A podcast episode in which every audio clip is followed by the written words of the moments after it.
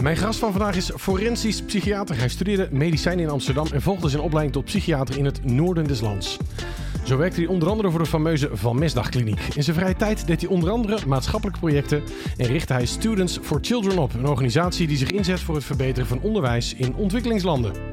Als professional is hij een grote strijd aangegaan met het GGZ in Nederland onder de titel De psychiater is een medisch specialist.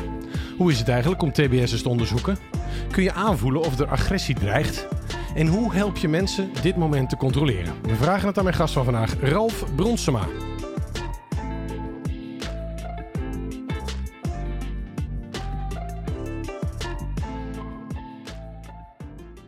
Goedemorgen, Ralf. Goedemorgen, Arvid. Goed dat je er bent.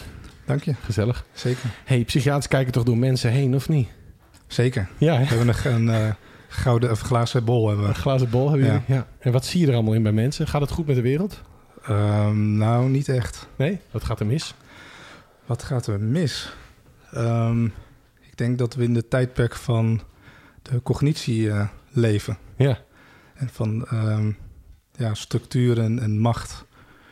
En ik denk dat dat niet helemaal goed gaat. Oké. En wat, eh, hoe merk jij dat uit? Want je even, wat doet een forensisch psychiater voor de mensen die het helemaal niet weten? Een forensisch psychiater werkt in een eh, ziekenhuis voor mensen met eh, psychiatrische stoornissen die van daaruit gevaarlijk gedrag kunnen vertonen. Dat kan in een ziekenhuis, maar dat kan ook eh, buiten het ziekenhuis zijn, bij mensen thuis of elders. En zijn het mensen die ook allemaal een strafblad hebben? Ehm, nou, forensisch staat wel voor mensen die een justitiële maatregel hebben, maar ehm, er zijn ook mensen met andere maatregelen, civielrechtelijke maatregelen, zoals de IBS of een RM. Ja, Eh, even, de afkortingen kennen we ah. allemaal niet. Vertel even, IBS. IBS, inbewaringsstelling. In En de rechterlijke machtiging is de RM. En dat zijn mensen met een civielrechtelijke maatregel. En soms komen die ook binnen de beveiligde forensische zorg terecht, omdat die nou, te gevaarlijk zijn om in de reguliere psychiatrie te, te zijn. En even heel praktisch maken. Hè. Stel, is eh, iemand die loopt hier op straat, is een blote reet, midden in de nacht, eh, knetter eh, psychotisch. Dan wordt de politie gebeld. Bellen ze dan meteen jou al? Nee, zeker niet. Wat gebeurt er met zo iemand voordat hij bij jou Ehm, komt? Nou, over het algemeen komt dan eerst de crisisdienst van de reguliere GGZ. Ja. En die komt dan een beoordeling doen met een verpleegkundige, een sociaal-psychiatrisch verpleegkundige en een arts. Ja. Of al komen meteen de psychiater en die komt dan beoordelen of diegene een stoornis heeft, ehm, mogelijk ook gevaarlijk is.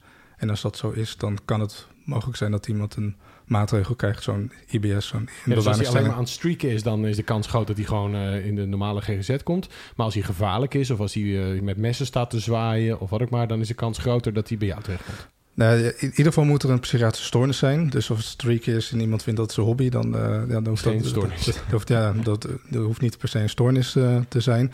En als iemand dan eh, gevaarlijk is, hoeft het ook nog niet meteen forensisch te zijn. Ook niet te zwaaien met een mes, dus hoeft niet meteen, meteen eh, forensisch te zijn.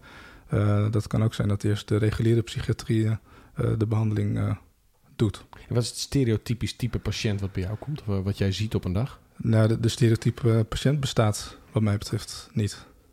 En wat voor, want jij zegt psychiatrische stoornissen, wat voor stoornissen hebben, komen er allemaal voorbij bij jou? Ehm, je wilt nu bij de forensische Ja, bij psychiatrie... de forensische psychiater. Van Bijna alle stoornissen, maar vooral psychose, mensen met bipolaire stoornis, ehm, persoonlijkheidsstoornissen, autisme. Dat zijn wel de grote groepen. En waar help jij die mensen mee?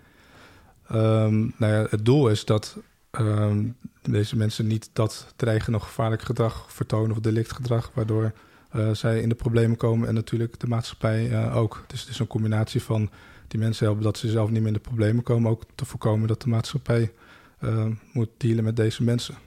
En leer ze dan ook omgaan met hun eigen stoornis en, en hoe ze zich verhouden tot de maatschappij? Zeker, dat, eh, dat, is, dat is wel de, de kern. Er wordt ook uitgelegd van eh, als iemand agressief is, van ehm, ja, dat accepteren we gewoon niet Mhm. in de maatschappij, niet op deze afdeling en zeker niet in de maatschappij. Dus, eh, als, dus als u verder wil met uw leven, zal dit moeten stoppen. Of u het ermee eens bent of niet, dit is hoe onze maatschappij, onze structuur werkt. Dit accepteren we niet. En kunnen mensen dat dan? Of, of komt er vaak ook medicatie bij kijken om, om triggers te onderdrukken? Hoe, hoe werkt zoiets? Dat hangt van de, van de stoornis eh, af. Als het een eh, psychotische stoornis is of een, iemand met een manie, dan is vaak medicatie nodig. Als het iemand is met een persoonlijkheidsstoornis, dan zijn toch vaak meer psychotherapeutische interventies eh, nodig. En jij doet dat allemaal. Nou, ik zit vooral op de crisisafdelingen waar vooral ook medicatie nodig is, maar zeker ook andere opties. Maatschappelijk werk is heel belangrijk. Ehm, ja, dus medicatie, maar ook eh, als, het, eh, als het kan al psychotherapeutische interventies. En vooral mijn afdeling do- doen de, de sociotherapeuten superbelangrijk eh, werk. Maar wat is het verschil tussen de psychotherapeut en de sociotherapeut? De sociotherapeut die werkt op de, op de afdeling en die zorgen, ja, die runnen de, de afdeling, die zorgen daarvoor. Dat, Een soort bewonersgroepen stel ik me nou voor, met een woonkamertje zo, waar ze zitten. zo, zo kan je het voorstellen met, met, met een keuken en of of twee keukens, twee woonkamers en dan de kamers op de gang. En ehm, nou, zij zorgen ervoor dat, dat de mensen goed eh, behandeld ook eh, worden. En nou zijn er in het nieuws nou wel eens van die verhalen van ja, die, die, die psychiater met de medicatie, dat werkt allemaal niet. Eh, aan de andere kant hoor je mensen dat dat allemaal heel erg belangrijk is. Hoe kijk jij naar? Wer- Werkt dit in- deze categorie mensen? Is het belangrijk, medicatie? Zeker bij, bij, zeker bij de mensen die een psychose of een manie hebben, is het ja, essentieel. Dat, dat kan gewoon niet, niet anders. Ehm, dat, dat zien we ook heel duidelijk dat dat een verschil maakt met zonder medicatie en met. Dat is, dat, dat, dat is vaak niet te vergelijken. Dus je moet dit niet zien in de maatschappelijke context waar heel veel mensen zeggen: ja, ik heb een pilletje voor mijn antidepressiva, terwijl ze niet echt heel depressief waren. Dit zijn mensen met hele zware Ja. aandoeningen die zonder medicatie echt niet functioneren. Ja, gevaar zou kunnen zijn voor zichzelf en voor, eh, voor anderen. En ook zelf niet verder kunnen met hun, met hun leven. Dus dat, eh, dat is gewoon noodzakelijk dat, dat deze mensen dan medicatie krijgen. En we zien dan ook daadwerkelijk een verschil. En natuurlijk kunnen medica heeft medicatie ook zijn bijwerkingen. En dat kan heel vervelend zijn. En daar moet het ook over gaan. Moet ook zoveel mogelijk rekening mee, eh, mee houden. Maar je moet toch een balans opmaken tussen, tussen veiligheid en, en de medicatie die zijn effect heeft. Want eh, bijwerking van, van, van eh, antipsychotica, wat zijn dingen waar mensen dagelijks mee te maken hebben, wat, wat in veel gevallen voorkomt? Nou, seksuele bijwerkingen, eh, gewichtstoename. ja, dat zijn hele belangrijke slaperigheid. nou, Ze worden zijn- dik en impotent. Dat kan, ja. Ja, ja maar dat, is, dat heeft wel serieuze impact. Dat heeft een gigantische impact en daar moet dus ook aandacht. eh, En, en Voor zijn- je daar dan ook de partner in? Want die heeft natuurlijk ook daar nog eens een keer... dat, natuurlijk, als het liefst willen we zoveel mogelijk het systeem, dus, dus de mensen om iemand heen erbij eh, betrekken. Dat vinden we heel belangrijk. En dan moet het ook over dit soort onderwerpen eh, gaan. Oké. Hey, en jij hebt wel eens gezegd, vond ik wel mooi, van ja, mensen worden vaak... kennen een vorm van agressie in veel gevallen. Niet allemaal natuurlijk. Maar jij, jij voelt aan dat je daar net voor kunt zijn. Dat je die mensen kunt leren van... hey, nu herken ik dat het gaat komen. Nog net voordat het... De, hoe werkt dat, Mhm. dat mechanisme? Hoe, hoe, hoe ervaar je dat? Ja, ik vind dat het echt de kern van het, van het vak. Dat eh, geval bij als ja, mensen kunnen dus agressief gedrag vertonen. En dat je al ziet aankomen door bepaalde eh, nou, gebeurtenissen, maar ook dat je in het gedrag en de, de houding, hoe iemand kijkt, dat, dat je merkt van hé, dit gaat niet de goede kant op. En dat, dat, dat, dat is wat ik doe, maar dat is ook wat mijn collega's op de afdeling, de sociotherapeuten, goed kunnen. Die, kunnen, nou, die maken een inschatting van wat, wat gebeurt er. Want is het gevaarlijk, jullie vak? Eh, het is hoe je het eh, bekijkt. Natuurlijk zitten de risico's eh, zitten eraan. Maar als je met elkaar goed samenwerkt, dan kan je de risico's eh, behoorlijk inperken. Maar er gebeuren rare dingen in jullie werk? Er, er gebeurt wel eens een, een incident. Eh, dat gebeurt wel. Maar, maar je voelt dan, jij voelt dus eh, heel goed aan door jouw ervaring. eh, of is dat ervaring of is dat je persoonlijkheid waardoor je dit aanvoelt? Ehm, ja, ik denk dat ik het van nature heb en dat ik het ook door dit werk te doen weer verder heb aangescherpt. Dus ik denk dat als ik op een afdeling kom, dan voel ik al hoe de sfeer is op de afdeling, hoe het, hoe het met het team gaat. Dat, dat, dat, ja, dat voel ik, voel ik aan. En of het, en vaak blijkt dat ook zo te zijn. En als het minder goed gaat, dan merk je dat ook. Want dan, voel je gewoon dat de spanning soort van in de lucht hangt. Hoe je dat nou precies kan benoemen, dat is natuurlijk heel lastig. Het is lastig te benoemen, maar het is cruciaal om je werk goed te doen. Het is, cru- het is essentieel, maar benoem het maar eens. Ja, dat, dat- maar, dat, maar, je, maar toch moet je het met elkaar erover hebben. Van hé, waar zit dat in? En daar moet je, juist in een teamwork, dat het super belangrijk is, moet je het met elkaar over kunnen hebben. Hm. En dan mag ook alles, vind ik, op tafel eh, moet dan komen. Van eh, ja, wat je erover denkt, wat je voelt, wat je, wat je meemaakt. Wat je, eh, dat, dat, dat breng je bij elkaar en dan maak je een soort van samen verhaal van. En daar moet je dan met z'n allen naar, naar handelen. Hey, en eh, hoe, hoe eh, eh, wat je zegt, ik heb het van nature een beetje. Hoe ben jij opgegroeid? Hoe ik opgegroeid ben in Haarlem, Haarlem, ja? Ja. En ja, wat kan ik erover, eh Nou ja, over zeggen? bent, jij bent geadopteerd in Nederland, hè? Dus je, Klopt. bent, je komt uit Brazilië. Ja, Santos geboren. Santos. Ja. Wa- Waar is, is dat? eh, ja, ik ben aan de kust, aan de bij, kust. vlakbij Sao Paulo. is En dan zit je in het koude Nederland. En dan zit je vandaag bloedheet, maar Dus dat- dat- ja, precies. Ik vind het allebei goed. mooi. Je bent daar weer een keer geweest, hè? Je hebt daar ook je biologische ouders ontmoet. Ja, klopt. Moeder in ieder geval. moeder- en moeder, eh, ja. en twee zussen. Ja. En familie. Hey, en, dan, en dan groei je op in Haarlem. Ehm, eh, dat is een bijzondere situatie. Heeft, heeft die, die leergeschiedenis heeft die invloed gehad op het feit dat je zo sensitief bent? Ik denk het, denk het wel, want ja, hoe ik naar adoptie kijk, dat, dat, dat vind ik een ingewikkeld eh, systeem. Want eh, je komt uit een land wat arm is en je gaat naar een rijk westers land. Dus daar zit per definitie een, een gelijkheidsverschil, zit daar, eh, of een ongelijkheid zit daarin. En, en dat is iets wat mij, mij wel gevormd heeft. En dat, tot de dag van vandaag ben ik heel sensitief voor eh, dominantie, machtsverschillen. En, en, en, daar, en als, als geadopteerd, dan zie je dus, kan je ook die twee werelden tegelijk meemaken. Aan de ene kant ben ik hier opgegroeid, dus dan ken ik die dominante kant. En aan de andere kant ken ik ook de soort van de ondergeschikte, nou ja, ondergeschikte, de ongelijkwaardige kant van Ja. hoe het is om, om die mee te maken. Je die twee, ja, die, die, dus daar ben ik een soort brugfunctie tussen het een en het ander. Het is ook een soort rechtsgevoel dus, hè? Dat je dan ontwikkelt daardoor. Ja, zeker. Dus het is een vorm van, van onrecht. Dus omdat er armoede is, eh, ja, wordt, kan je zo overgeplaatst worden naar een ander, eh, ander land. Dat, dat, eh, ja, daar zit wel een kern van, eh, van wat ik doe. En, en zoiets eh, be- be- bepalends vormt je dan. eh, dan groei je op in Nederland. Eh, was je altijd geboeid door dat menselijk gedrag? Was je daar toen al bewust mee bezig? Of was je gewoon aan het voetballen als kind? Ja, ik denk dat ik dat altijd wel eh, gehad heb. Eh, ik, ja, kan me niet helemaal terughalen hoe dat precies was. Maar niet alleen menselijk gedrag, maar vooral het menselijk bewustzijn. Dat vind ik mateloos interessant. Dus echt van jongs af aan was je dat al, daar al door geboeid? D- Denk ik wel. Maar dat, ja, dat, dat gaat dus zo natuurlijk iets. Dat is volgens mij niet, nooit echt, echt veranderd. Maar ik kan me vanaf de basisschool wel herinneren dat ik dat al heel interessant vond.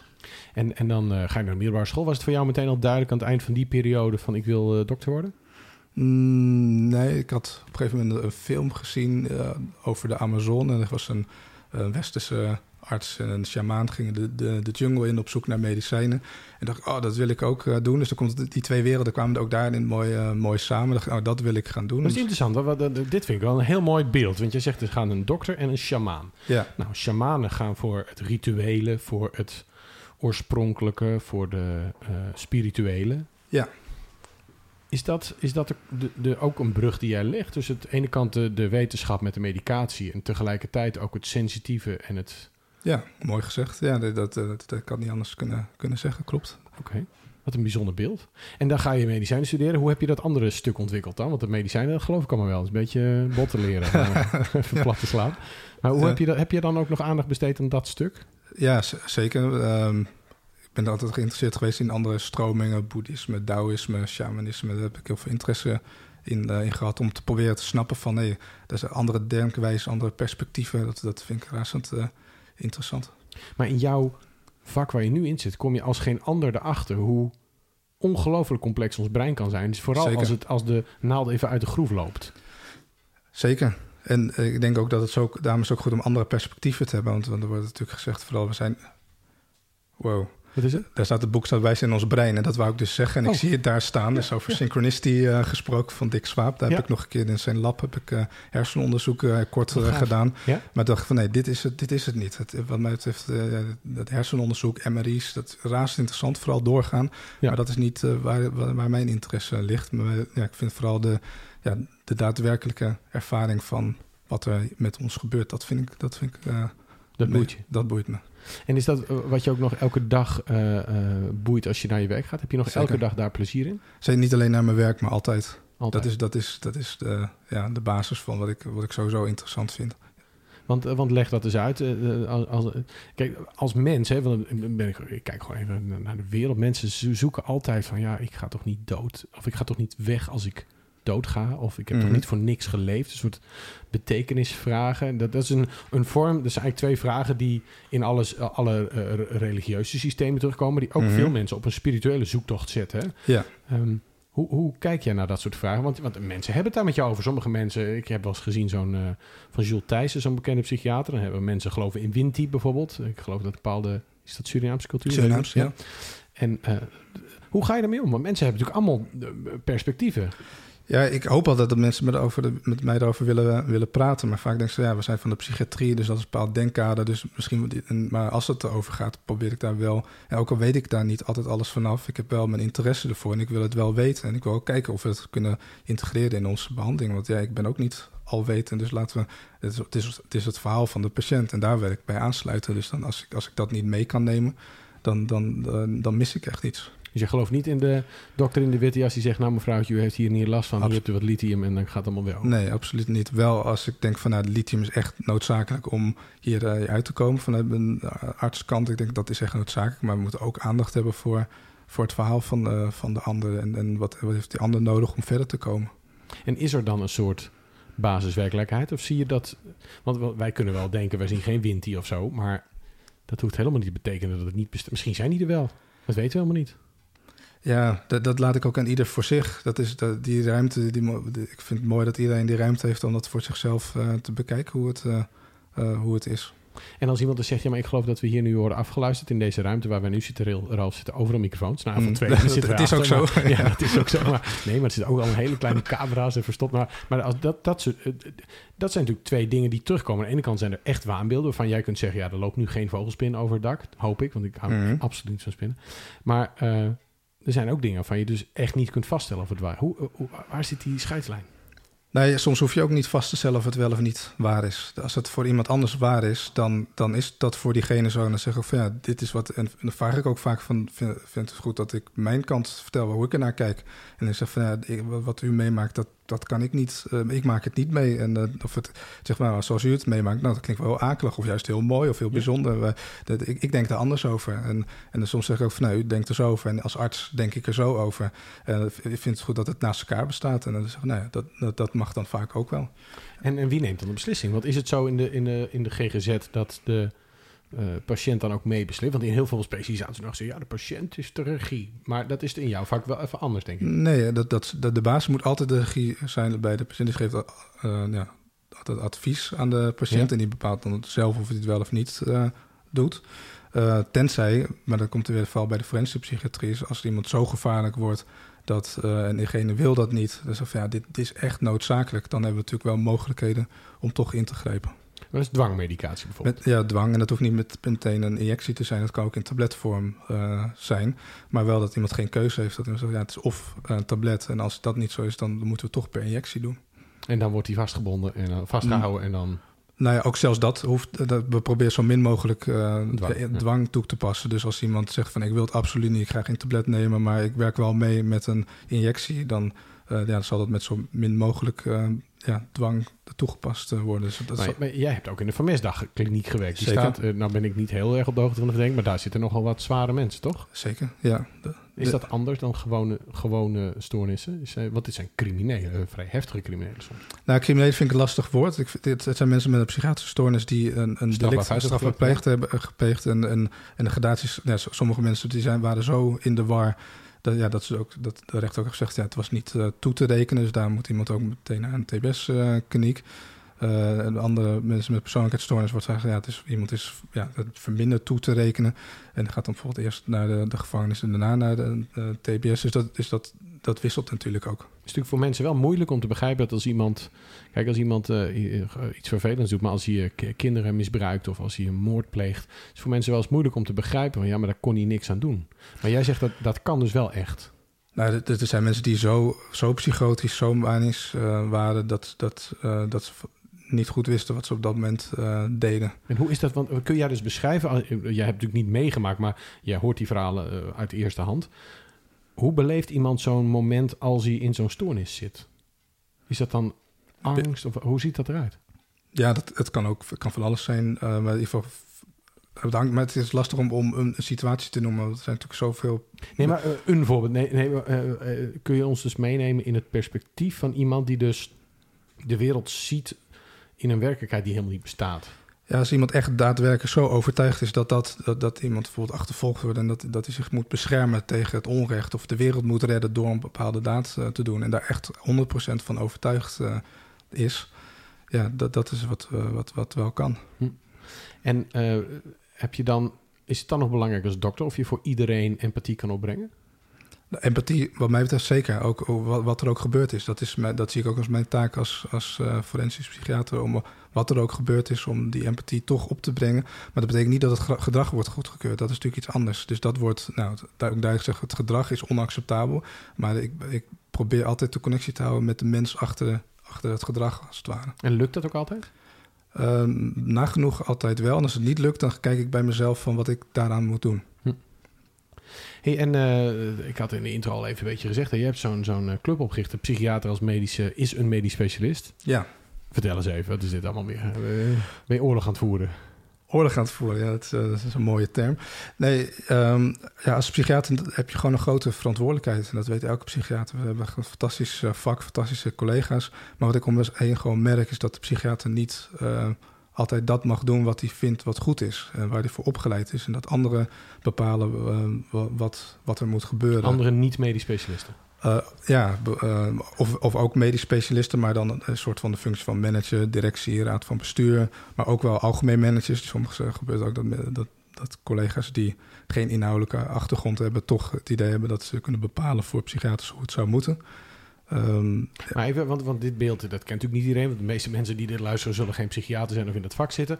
Normaal gesproken ga ik naar een ziekenhuis, kom er bij een specialist. Die, die beslist hoe mijn behandeling gaat zijn uiteindelijk in overleg.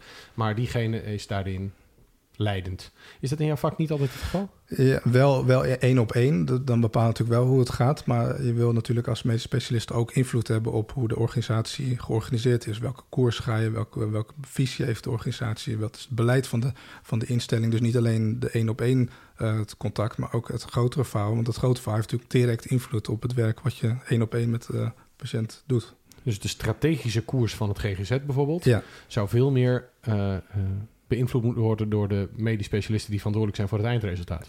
Ja, dus, en eh, je zegt ja, zeker. En natuurlijk zijn de raden van bestuur zijn eindverantwoordelijk voor die zorg. Maar de, psychiaters zijn, verantwoordelijk voor de, voor de zorg. net zoals de andere collega's.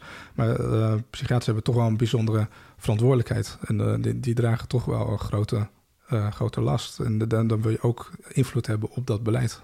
En dan, dan doe jij een onderzoek en jullie hebben geloof jullie hebben die buttons. 92% is het daarmee eens. Die, die vinden dat een goed idee. 92%, ja, we hebben een, uh, een met, met z'n vieren hebben een initiatief uh, gestart om te toetsen van wat, uh, wat, wat, vindt, wat vindt de, de beroepsgroep daarvan. En uiteindelijk heeft nou, meer dan duizend psychiaters en arts in opleiding tot psychiater heeft gezegd van uh, nou, 92% daarvan, wij willen dat. Wij willen meer invloed. Dat is ongelooflijk hoog, want die, A, die doelgroep is heel groot. Dus N is 1000. En uh, dan hebben we ook nog 92. Dan moet het al wel rond zijn, of niet? Dat zou je denken, maar niets is uh, minder waar. Want ja, de de brancheorganisatie, de werkgeversorganisatie GGZ Nederland geeft aan daarover te twijfelen.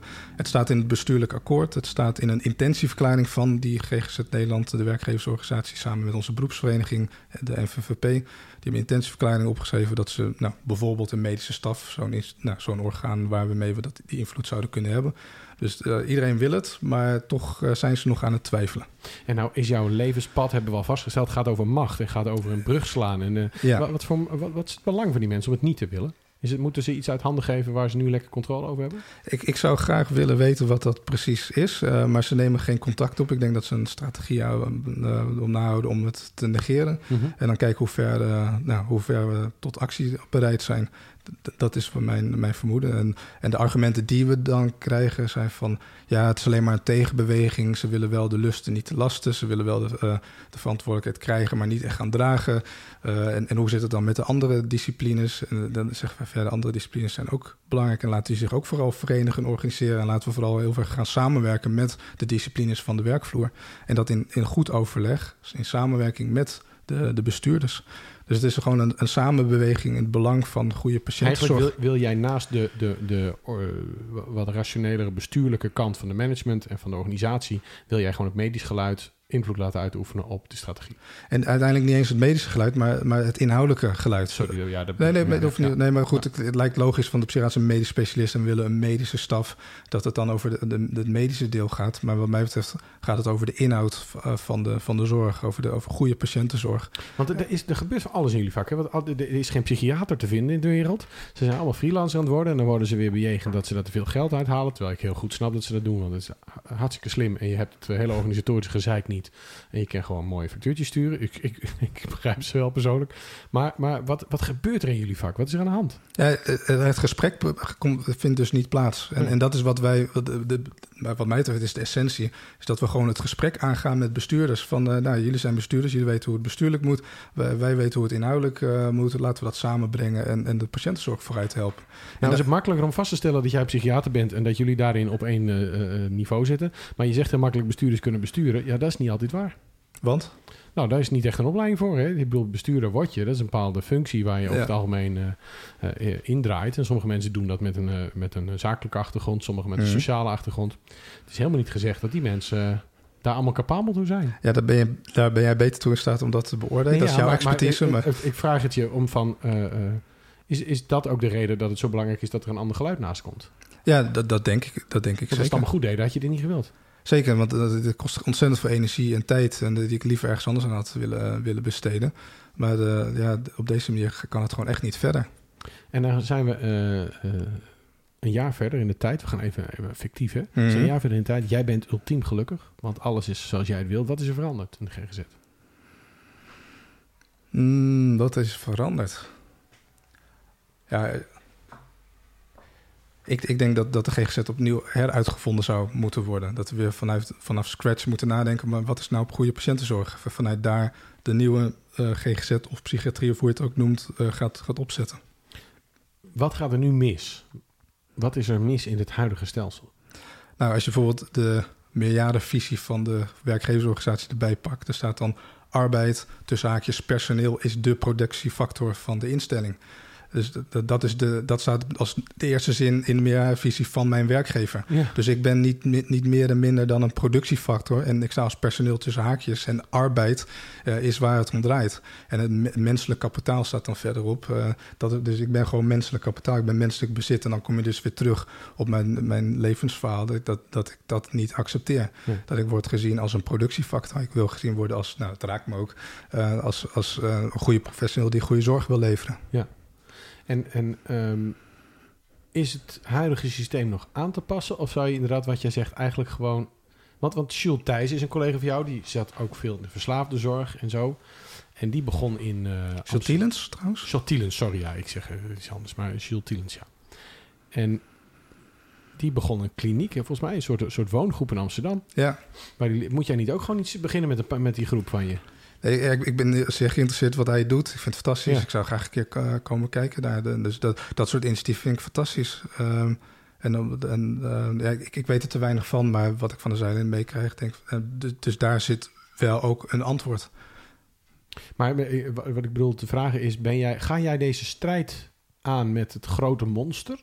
Of, want dat is natuurlijk een beetje de keuze waar jij voor staat. Hè? Bedoel, ja. uh, uh, en, je, en jij zei heel mooi van ik, sta, ik ben sensitief, dus ik voel wanneer het gevecht komt bij mm -hmm. mijn patiënt. Ik kan het, ga, ga, voel je dat er een gevecht komt? Het gevecht is, dat is nu, nu gaande. En zij proberen het nu te negeren, maar het is niet te negeren. En als ze het wel gaan negeren, ja, um, dan is het gewoon afwachten wat de psychiaters gaan doen. En gaan ze wel niet in, of niet in actie, dat, dat is dan de vraag. Maar ik zie jou daar een bepaald gezicht bij trekken. Dus dat... Ja, ik denk, ik denk dat dat wel gaat gebeuren. En, en als het dan niet uh, actief is, dan, dan gaat het weer ondergronds. En dat, dat betekent vertrek. En dat zie je gewoon gebeuren. Je hoort het gebeuren. En ja, die, dat geluid, de meeste psychiaters brengen dat niet in de openbaarheid. Dat ze zeggen van ja, ik word nu ZZP'er omdat ik gedonder heb gehad. Maar dat, dat, ik hoor dat uh, regelmatig. Hm. Hey, en um, die, die GGZ-instellingen, die, je zou verwachten dat daar ook bestuurders zijn die dit begrijpen. Heb je al mensen gesproken die jou snappen? Er zijn op zich een aantal goede gesprekken wel gehad. Ik denk van nou, er is wel ruimte om het in ieder geval over te, te hebben. En, uh, en, en ook dat ik ook de andere kant ook snap van ja, maar gaan de psychiaters dan die, die handschoen dan ook echt oppakken? Dus dat, dat, die, ik snap wel dat die vraag er, er is. Uh, maar dat, dan kan je er gewoon een gesprek over hebben. En, en zijn alle psychiaters, net als jij, op deze manier het vak bezig? Of zijn er ook mensen die het veel rationeler zien en uh, veel meer behoefte hebben aan, dat, aan, aan, een rigide systeem met duidelijke kaders en dat het gewoon zo werkt? En, uh, Zou, dat vind ik lastig te nou, zeggen. Je, je spreekt ja. wel eens collega's, toch? Ja, maar Zit er een gradatie in psychiater? Is er, is er een groot verschil? Ja, kijk, ik, wat ik vooral zie is dat, dat, dat psychiaters gewoon echt een, een mooi vak vinden en echt goed werk leveren. Je kan, dat, dat, dat, is gewoon altijd heel fijn samenwerken met de collega's en ze weten waar ze voor, uh, voor staan. Um, ja, we zijn natuurlijk zelf wel in, met iets, iets anders bezig. Van hé, maar wat betekent het nu om psychiater te zijn, om medisch specialist te zijn? We zijn het wel even opnieuw aan het, aan het openen van wat betekent het nu? En, daar gaat het gesprek over. En, ja, er is mensen die ik spreek zijn heel enthousiast. Nou zag ik ooit de serie van uh, Koen Verbraak, Kijk in de Ziel, met allemaal uh, toppsychiaters. Dat, daar vond ik sowieso wel iets van. Ik, ik kreeg heel ambivalent gevoel bij, bij een aantal mensen die daarin zaten. Maar wat ik interessant vond in de discussies daar was, dat je had een soort, uh, dit noemde ze geloof ik biologische psychiatrie of biologisch-neurologische psychiatrie. Je had mensen die het eigenlijk heel erg vanuit de hormonen, vanuit de eiwitklomp bekeken. Je had mensen die, die zeiden nee, dit is alleen maar, het gaat over de psychotherapie en het gaat over het gesprek. En dat was een soort extreme schaal. Is dat, is dat nu, ik denk dat dat twintig jaar geleden gemaakt is, is dat nu nog steeds zo, dat er zo'n verschil in zit? Er zit zeker verschil in. En dat, en dat vind ik ook zo mooi aan het vak. Dat het allemaal er mag zijn. Er mag een filosofische kant zijn. Er mag een neurobiologische kant zijn. Een psychotherapeutische kant. En uh, het een sluit het ander wat mij betreft ook niet per se uh, uit. En ik heb ook mijn bepaalde voorkeuren. Maar, maar samen ja, vormen we toch de psychiatrie. Dus het is heel divers. En dat is natuurlijk heel mooi. Um, en dat, dat hoort ook zo. En, en is het dan al sprake van wetenschap of is het ook nog gewoon heel veel ontdekken in jullie vak? Is het nog veel experimenteren? Het is een jong vak, toch? Ik denk dat het altijd ontdekken blijft uh, in dit vak. Ja, maar ik bedoel, een hartchirurg heeft wat meer feiten om zich op te baseren dan de psychiater, toch? Of is dat een aanname? Uh, ja, ik ken dat vak onvoldoende om daar een antwoord op uh, te geven. Maar ja, kijk, feiten is natuurlijk ingewikkeld, want het is ook een groot deel is het ook een subjectief uh, vak, maar wel met bepaalde kaders waar we die, die subjectiviteit weer aan proberen te toetsen. Mm -hmm. Ik weet niet of ik dat uh, nog duidelijk uitleg. Maar op een gegeven moment is het voor mij, als ik een patiënt zie met een ernstige psychose, dan heb ik geen enkele twijfel dat er een ernstige psychose uh, is, ja. plaatsvindt. Dus dan um, is dat dan een feit of is dat, dat, ja, dat is onderdeel van ons vak dat we dat kunnen beoordelen? Ja, maar wat het moeilijk is, omdat het natuurlijk een psychose is iets wat in onze verbeelding plaatsvindt en in, onze, in zijn eigen perspectief, dat is natuurlijk heel moeilijk, het is eigenlijk heel moeilijk meetbaar. Je kunt wel zeggen, hij, vertoont, hij of zij vertoont uh, afwijkend ja. gedrag. Maar wat die, het perspectief van diegene zelf, of dat nou een psychose is of een, weet ik veel, een, een, een elektrische vonkstoring tussen twee uh, neuronen in je, in je hoofd, weet ik veel. Ja, maakt, uh, of zeg, maakt het niet, niet zoveel uit of, of, of je het ziet in het gedrag... of dat je het weer terug kan zien op, de, op, wel op een scan. Uh, voor de oorzaak misschien, hè? Ik bedoel, als je... Ja, ik denk dat we... Ik, dat is maar, maar mijn persoonlijke visie. Ik denk dat we het niet in, uh, in, op MRI-scans of in de genen of in de dat we het daar niet gaan uh, terugvinden. Dus eigenlijk ja. is die shamaan belangrijker dan die arts? Nou, ik weet niet of de shamaan belangrijker is... Ehm, maar ik denk dat ja, daar moet ik even over nadenken. Nou, niet, niet per se belangrijk, maar het is wel goed om verschillende perspectieven mee te wegen. Laat ik het zo zeggen. Nou ja, het is dus wel cruciaal om verder open te staan dan alleen maar de feiten. Anders kun je dit vak niet beoefenen.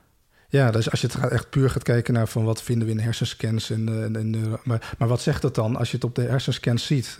Is, is de hersenscan dan de stoornis? Ja, de stoornis, die, die zien we ook nog. Dus dat, wat, wat zegt dat uh, dan? En dan kan je dan daar, en als je het weet, kan je daar dan op ingrijpen. Uh, kan je dan behandelen? Dat is natuurlijk een hele ingewikkelde nou, je gezicht vraag. zegt nee. Ja, mijn gezicht. ja, dus ik, ik, ik, denk dat het zo complex is en dat het, uh, ja, dat het daar niet in zit. En ik denk dat er heel veel geld daar naartoe is gegaan naar onderzoek. Uh, maar wat, wat er uitgekomen is, is nog heel erg uh, beperkt. Maar wat er uitgekomen is, denk ik, is dat we ontdekt hebben dat hoe complexer het is. En dat hoe meer er onderzocht wordt, hoe, com hoe complexer het lijkt, uh, lijkt te worden. En ik denk dat dat ook, als je daarmee doorgaat, dat dat het antwoord zal zijn. Het wordt steeds complexer. En is het feit dat wij als mens alles onder controle willen hebben, niet per definitie ook een stoornis? Uh, en, en wat dan precies? Wat, wat nou, mensen feit, we willen natuurlijk het feit dat we alles willen bekijken en begrijpen en controleren, dus ook, is dat niet een, een aandoening die onszelf in de weg zit om dan in dit geval met een ander perspectief te kijken? Want ja. er zijn natuurlijk ook gewoon mensen die zeggen: ja, maar dat is allemaal gelul, dat is allemaal spiritueel gelul. Um, ben even de, kwijt, of de vraag nog even, de, de essentie van de vraag kwijt. Nou, uh, zijn, hebben wij allemaal een, zijn, leiden wij niet allemaal aan een stoornis waarbij we alles willen kunnen controleren en overal grip op willen krijgen? Ja, net zoals met al die hersenscans en die onderzoeken van het gaat daar, daar moet het antwoord in zijn. Alsof de, de, de aanname is dat, is dat de, de hersenen die stoornissen creëren. Maar, Mhm. de, de, de- waar, maar is, is daar bewijs voor dat hersenen stoornissen eh, creëren? Want we hebben het antwoord nog niet gevonden. Er wordt heel veel onderzoek naar gedaan. Het bewijs is er, is er nog niet. Dus je zou kunnen stellen, er is aan de ene kant een perspectief dat we zeggen, er zit een soort hormonale disbalans of er zit een kortsluiting in de hersenen die een bepaald gedrag en bepaalde episodes veroorzaken. Maar het kan net zo goed zijn dat er een soort, eh, dat we een ziel hebben en dat eh, onze ziel eh, gekrenkt is en dat dat uiteindelijk weer invloed heeft op onze hersenen. Het zou allebei nog kunnen. Ja, en het eerste deel, dus of het in de hersenen zit, dat kan je dus wel, denk ik, afvragen. Want, en, en een ziel is natuurlijk een andere vraag. Maar wat we weten, we hebben natuurlijk een bewustzijn. Ja. Dat, dat is wat we. ehm, Maar is dat een construct van de hersenen? ex- nou, dat is de, de ke- kernvraag. En ik denk dat de psychiatrie ook gericht is van ja het, ja, het is een construct van de hersenen. Maar ik denk dat dat, eh, die, dat causale verband, om zo te zeggen, dat Ja. dat nooit is aangetoond. Nee. En, En wat eh, denk jij? ja, dan vraag je me wat. Ehm, nou ja, jij, jij bent de man die al die boeken leest. Dus, eh, ja. wat, wat ik denk is dat, dat, eh, dat er bewustzijn is. Maar je weet niet waar het vandaan komt. En ne- de- niet, ne- dat is het. Het komt nergens vandaan. Dat is wat, dat is wat, eh, wat er is. Want als je met je bewustzijn hersenen gaat bekijken, ja, dan bekijk je het met je, hersen, met je, met je bewustzijn. Dus wat is, waar is dan het bewustzijn dan van gemaakt? Dus en dan, dan ga je weer op zoek naar iets wat uh, Kip daarvan gemaakt krijgen we dan. ja, dus dan, dan, dus, dus dan kan gaat het, bewustzijn gaat zichzelf dan onderzoeken, maar dat, dat kan niet. Dus dat is ook volgens mij de hard question. Eh, dat, dat, dat is een vraag die nog nooit eh, opgelost is en ook niet opgelost kan worden. Moet je niet gewoon filosofie gaan studeren dan? Ja, maar dan is het weer, eh, filosofie is natuurlijk weer een denkconstruct. En Ja. waar is dat denken dan weer van, eh, van gemaakt? Ja, Ja. goed, maar daar mag je als filosoof wel de hele dag mee bezighouden, doorbetaald. Dus, eh, maar alsnog, hoe, hoe meer erover denkt, hoe meer erover opschrijft. Maar waar is er dan alsnog weer dat denken, wat dan, waar, dat, waar, waar is dat van ge- gemaakt? Waar is een emotie van gemaakt? Waar is een gedachte van gemaakt? Waar is een sensatie van gemaakt? Waar, waar, waar bestaat dat eh, nou, ik heb geen antwoorden. Je kijkt Nee, nee, nee, nee, aan. Ik weet het Nee, nee, niet maar eh. dat, nee, maar dat, is, dat is volgens mij eh, de, kern. Dus ook al zie je het op een hersenscan, is, is die hersenscan dan de gedachte? Of is dat eh, of met, met neuronen die dan samenwerken, is dat dan de gedachte? Nee, de gedachte is, is er nog steeds. En waar, waar is die gedachte dan van gemaakt? Van neuronen? Nee, dat is in het bewustzijn. En, en zie jij ook dat, er, dat wij in de maatschappij waar we nu in zitten, met de ontwikkeling waar we nu in zitten, dat er steeds meer stoornissen komen? Of dat er steeds meer mensen in het GGZ raken? Of valt het eigenlijk wel mee? Mm, nou, wat, wat je nu ziet gebeuren is, is de, de verwarde persoon komt eh, meer, eh, meer op.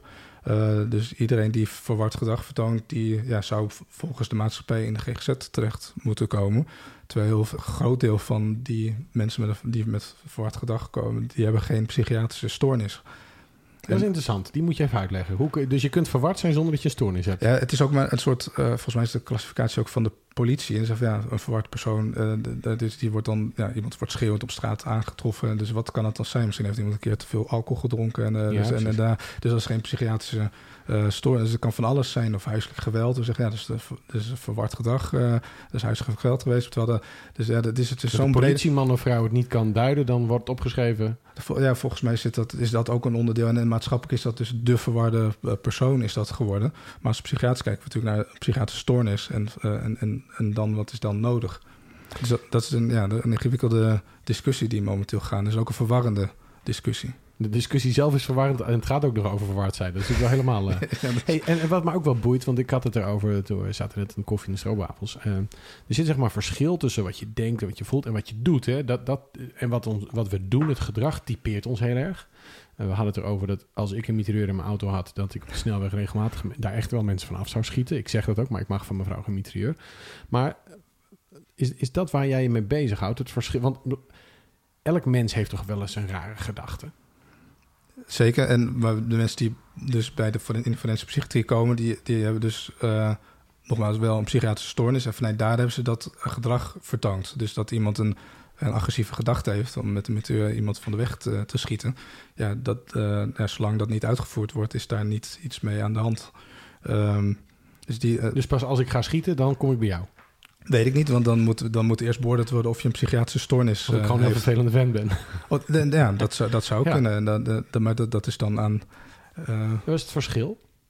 Want, want is, is dat soort extreem destructief eh, gedrag niet altijd een stoornis? Nee, dat, dat vind ik niet. Nee? De- de- Wat is dat verschil? Dat boeit me. nou, het- wat, wat het verschil is, de, de- het begint met eerst vaststellen of er een stoornis is en dan verder. Dus op het moment dat er geen stoornis vastgesteld uh, kan worden, dan, dan, is, dan mag er ook niet, vind ik, door en dat mag ook gewoon niet, uh, gekeken worden naar wat er gebeurd is. Oké, alleen als je soort kwalificaties hebt voor stoornissen, dan kan ik me voorstellen dat het neerschieten van mensen op de snelweg wel een van de kwalificaties is van een stoornis. Of moet je uh, altijd aan meerdere zaken voldoen om die stoornis te hebben?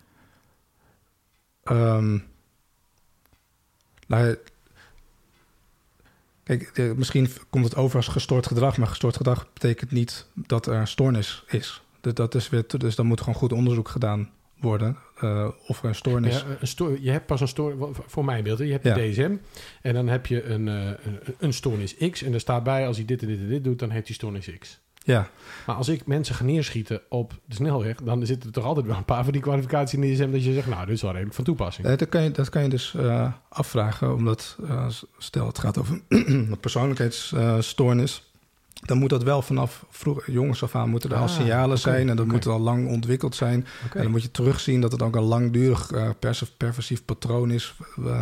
Wat uiteindelijk gemaakt heeft dat, dat bijvoorbeeld bepaalde krenking heeft opgetreden, waardoor met die meteor geschoten gaat, uh, gaat worden. Dat, dan, dat het in een groter langdurig patroon past. Dus dan, die stoornis moet al in het leven zijn. En uiteindelijk was die krenking net de druppel in een combinatie misschien met middelengebruik, wat dan ook, dat dat, dat uiteindelijk gebeurd is. Helder.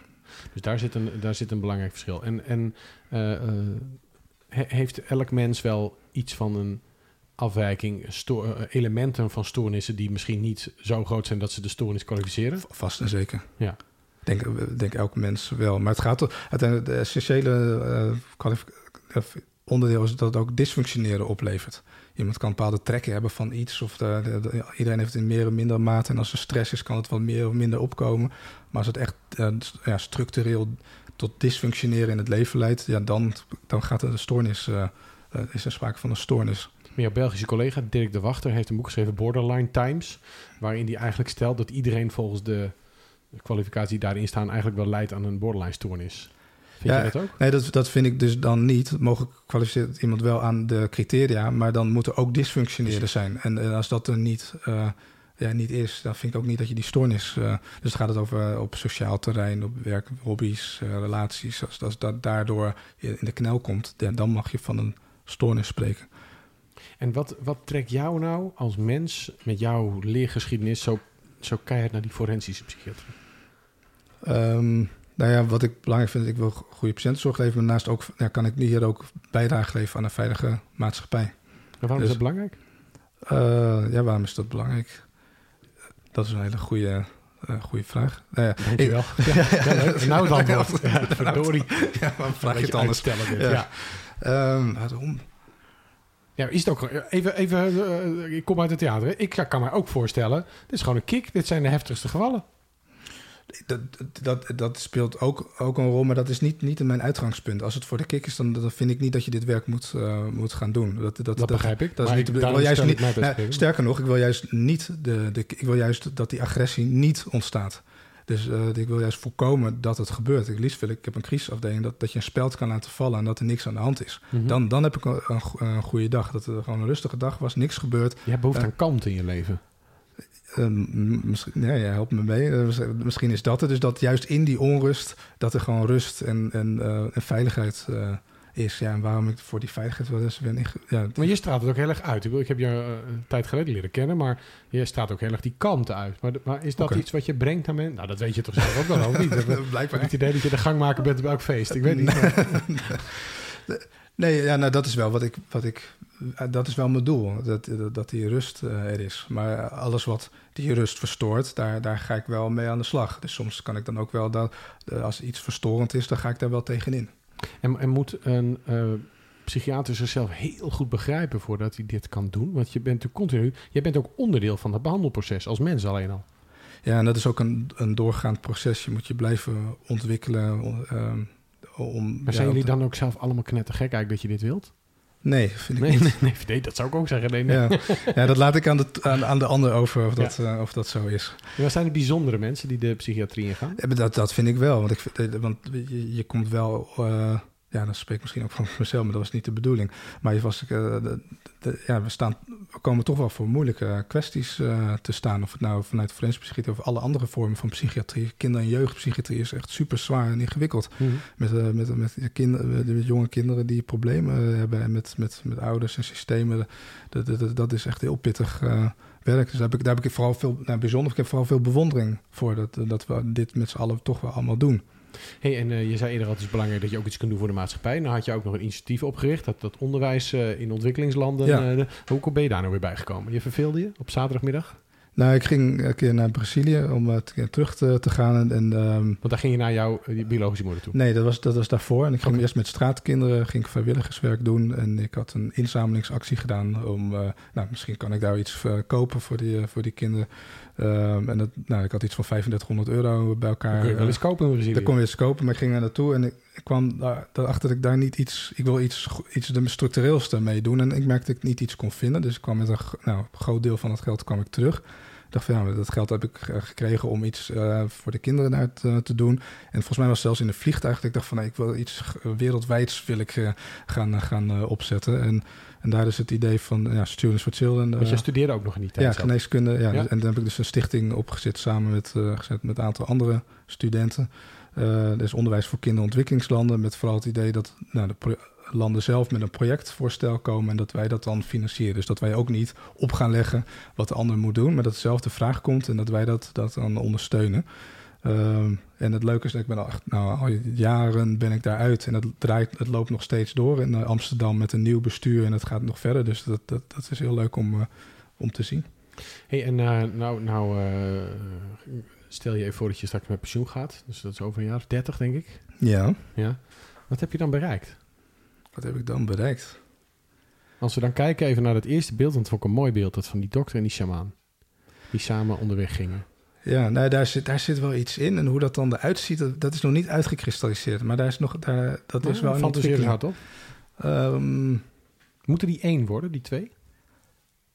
Dat, dat, ja, dat, die, dat, daar ben ik altijd wel mee, mee bezig, denk ik. In ieder geval... Um, ja, dat er meer een soort harmonie komt in hoe we... Nou, als je het helemaal door... dat er een soort harmonie is tussen mens, uh, dier en natuur. Dat, dat, we, dat we dat in balans hebben. Dat is, dat, als je het echt zou vragen, maar dat is, nou, dat is zo... Dat is mooi? Is toch, is een groot idee, maar dat mag, want je hebt nog 30 jaar.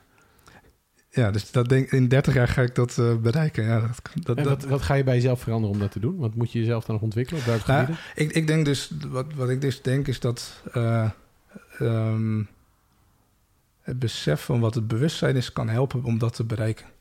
Want ik denk dat we heel wat mensen uh, hebben heel erg ik denk, wat ik denk is de waarheid, wat ik voel is de waarheid. En dus, dus je krijgt allemaal uh, gedachtenstromen, structuren, organisaties die, die allemaal denken dat ze de, de waarheid in pacht hebben en elkaar gaan bestrijden. Maar op het moment dat je denkt van ja, het is maar een gedachteconstruct, het is maar een ideologie. En dan kom je terug op die vraag, waar is die ideologie nou eigenlijk van gemaakt? Is die van neuronen gemaakt? Waar, waar is dat van gemaakt? En dus dan denk ik van ja, dat, dat, je, dat geeft een soort relativering van ja, waar zijn we eigenlijk mee, mee bezig? En dan komt er dus die, nou, die rust en die kalmte uh, komt dan terug. En, en, en als je daar vanuit het bewustzijn dat kan doen, ja, dan straalt dat vanzelf denk ik uit naar uh, organisaties en andere dingen. Dan gaat alles anders bewegen. Dus, maar mensen hebben natuurlijk ook voordeel erbij. Want, want als, als we allemaal zouden relativeren dat het dan allemaal goed zou zijn. Ik weet niet of dat zo is. Want we kunnen natuurlijk de mensen die het minst belang hebben bij, bij doorzien dat ze zichzelf niet serieus Zeker. moeten nemen, zijn de mensen met, met het machtsprobleem. Zeker. Nee, dus dat is ook een groot uh, probleem. En hoe gaan we die aan? Want jij even heel concreet, jij moet eerst ja. de GGZ nog slachten. Toch? Die woorden ga ik niet uh, nee, herhalen. Ik, ik, ik chargeer expres natuurlijk om een, om, om een reactie te. Nee, maar die, dat is wel dat is jouw eigen strijd nu op dit moment. En daar heb je hey, dus, dat is een klein, ja, dat is, in, dat is in het klein om uiteindelijk met het, met het grotere doel, soort van uiteindelijk. Maar, dat, ja, maar, maar eigenlijk is ook daar jouw doel in harmonie samenleven met elkaar. Ja, dat is, dat, dat is het grote doel. Wat mooi gezegd. Wat, ja, maar die kunnen van mijn tegels gaan slaan. Ja, gooien zo meteen. Ja, maar dat is het doel. En het, het lijkt of ik heel uh, het conflict aanga. Maar dat, dat is, uh, de, ja, de bedoeling is niet het conflict, het conflict. is geen absoluut doel. Nee. Dat, nee, dat is, dat is een soort middel. Als, het, als ik echt een andere weg zie, dan, dan zou ik dat niet schuwen. Uh, maar ja, dat is helemaal niet de bedoeling. Nee. Dus je wilt daar harmonie. Je wilt harmonie op je werk. Want je wilt daar dat het rustig is. Heb je, ben je zelf in harmonie? Als je, als je thuis bent, ben je helemaal, heb je een harmonieus leven? Ben je, ben je een gelukkig mens? Steeds meer. Steeds meer. Ja, dat is een, ook een gaande proces, maar geleidelijk aan wordt dat, uh, gaat dat uh, steeds beter. En wanneer is het genoeg? Mm, wanneer is het genoeg? Ja, ik denk op het moment dat als, dat als het in jezelf goed is, dan is het goed. Okay. Ik, ik kan niet verantwoordelijk zijn voor alles om me heen. Dus ik wil daar best kijken of ik daar iets in kan veranderen. Maar het begint bij, me, bij mezelf. Is dat ook harmonie in jezelf? Ja, daar staat, ja hoe je het maar noemt. Wat zijn de parameters Want, ik, dat, ja. want, want dat wil ik ook natuurlijk. Nee, maar ik hoor jou dit zeggen. Ik denk, dit wil ik ook. Ja. Welke parameters speelde mee in harmonie? Nou, wat mij betreft het, het, stoppen naar zoeken naar, naar harmonie. Ik denk dat dat al, dat is al één. Een beetje mindfulness dit, een beetje non-dualistische... ja, dat laatste meer. Ja, ja, ja, dus, en, en vooral ontdekken van ja, wat, wat is dit waar we nu in zijn? Hm. Dat, dat vind ik, en dat geeft wel rust, geeft een relativering. Voor mijzelf. En voor de mensen die luisteren, die eigenlijk denken: ja, ik ben ook wel eens een beetje vreemd, ik maak me wel eens zorgen. Heb je nog één tip als forensische psychiater aan de wereld, aan mensen die luisteren? Wat is, het, uh, wat is de allerbelangrijkste tip? De allerbelangrijkste voor tip? meer harmonie in je leven of voor een betere zelfkennis? Nou, ja, dus neem niet zo serieus wat je denkt en voelt en doet. Dat, uh, ja. Neem niet altijd serieus wat je denkt. Ja. Dus onderzoek ook dat op waarheid. Ja, en, waar, ja, en de vraag dan, waar is, waar is dat van gemaakt? Waar is een gedachte van gemaakt en een emotie? En als je daar het antwoord op vindt, ja, dan bel, dan even. bel dan even. nou. dan, dan, dan, gaan we er een boek over schrijven. Dames en heren, dit was een eh, interview met Ralf Bronsma. Heb jij dus uh, ja, een idee waar dit van gemaakt is? Dan kun je hem bellen, waarschijnlijk wel. Je kunt hem via LinkedIn zoeken. Het was ontzettend leuk om te spreken. Dankjewel voor het luisteren en graag tot de volgende.